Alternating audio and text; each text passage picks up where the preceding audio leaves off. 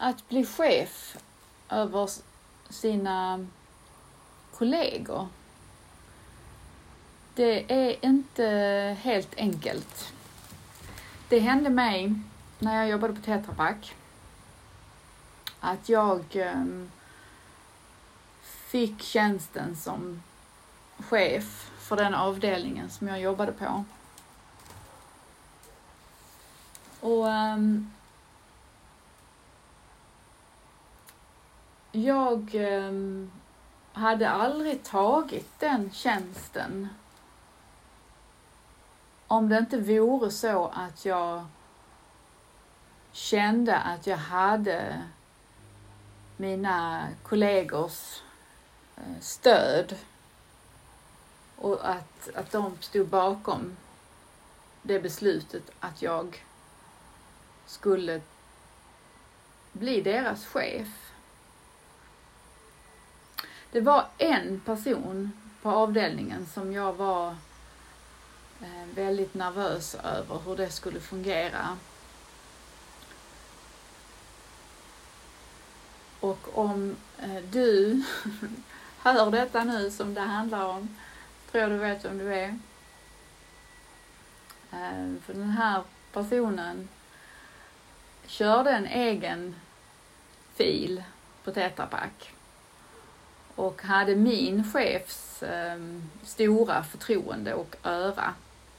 Och de jobbade tätt ihop. Och jag visste att vederbörande eh, han eh, han godkände liksom inte vem som helst. Så jag tänkte det här kan ju bli svårt. Och jag började min tjänst och ehm, ja, vad jag hör ifrån mina forna medarbetare och min egen upplevelse så, så gick, hade vi en väldigt bra tid ihop. Det funkade väldigt bra.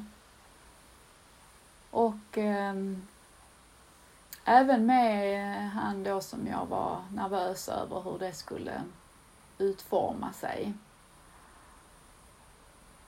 Och när jag slutade på Tetra Pak och gick ut genom grinden där så var det han som följde mig ut. Jag blir rörd nu när jag tänker på det.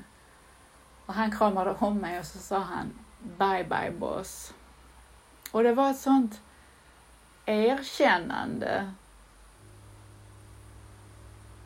Och jag blev så tagen av att, att han just sa så bye bye boss. Alltså det var ju um, och att det var just han som följde mig ut genom grinden den där dagen. Det var väldigt speciell, väldigt speciellt ögonblick. Um, och som jag vill minnas, så att så länge som vi var eh, den, den skaran som, som den avdelningen som fanns när jag blev chef eh, så hade vi det bra. Det gick väldigt, vi hade kul och vi var duktiga allihopa och eh, skapade bra saker. Sen blev det att vi, det var en jättestor omorganisation och avdelningen blev betydligt mycket större. Och ehm, ja, det var inte lätt. Det var, jag tyckte inte det var en lätt tid. Och då, då var det ju att den här ursprungsavdelningen, det blev ju där det var hemma. Liksom. Så för, tillbaka till den här frågan då att bli chef över sina kollegor. Att jag får ju ta del av nu i mina coachingsamtal att eh, mina klienter hamnar ibland i en sån situation. Och, och eh, det, det, det är inte det för andra saker med sig som man behöver ta med i beaktande. Och jag uh, har också en erfarenhet av när samma sak hände uh, att en kollega till mig blev min chef. Och eh, det, i det exemplet så funkar inte det så himla bra faktiskt.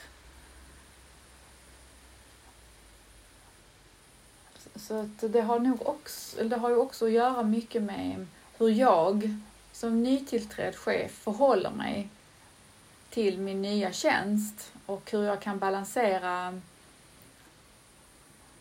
att eh, fortfarande ha goda relationer och samtidigt så är det en ny konfidentialitet som infinner sig.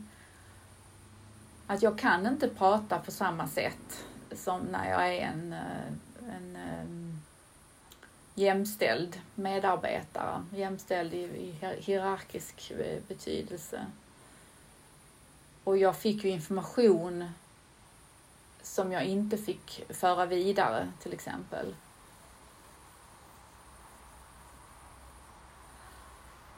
Så det är därför man eh, fundera på både en och två och tre gånger om det är om kemin funkar. Jag tror det är det som är avgörande. Alltså, jag hade ju då en god erfarenhet själv när jag blev chef och jag har också varit med om när det då inte funkade när eh, en kollega blev chef eh, över oss.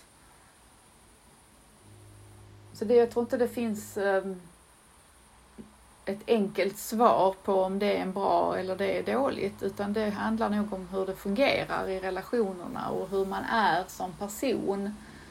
Och och jag redan då på den tiden hade ju ett väldigt eh, coachande och ledarskap och ett väldigt, eh, det som idag kallas för eh,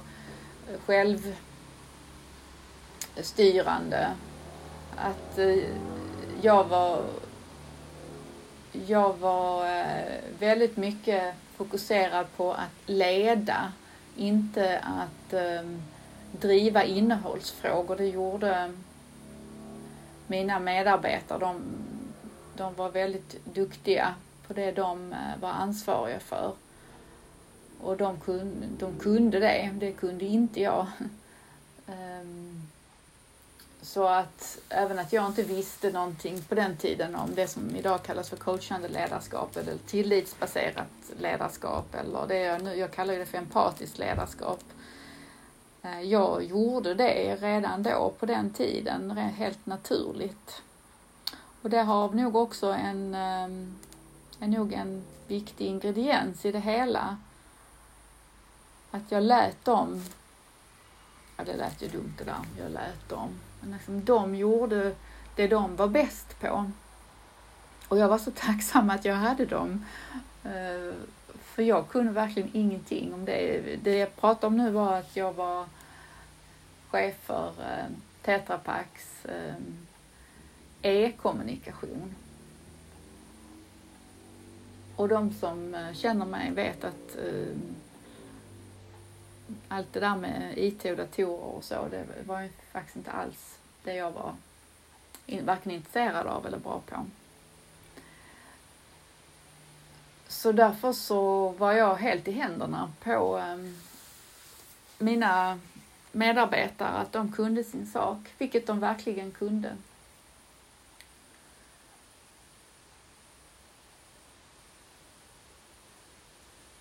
Så det är en delikat fråga om jag blir erbjuden en chefstjänst över mina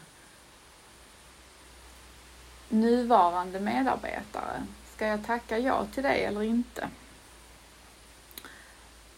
Det behöver man vända och vrida på på många olika vis för att förstå om det är en framgångsrik väg.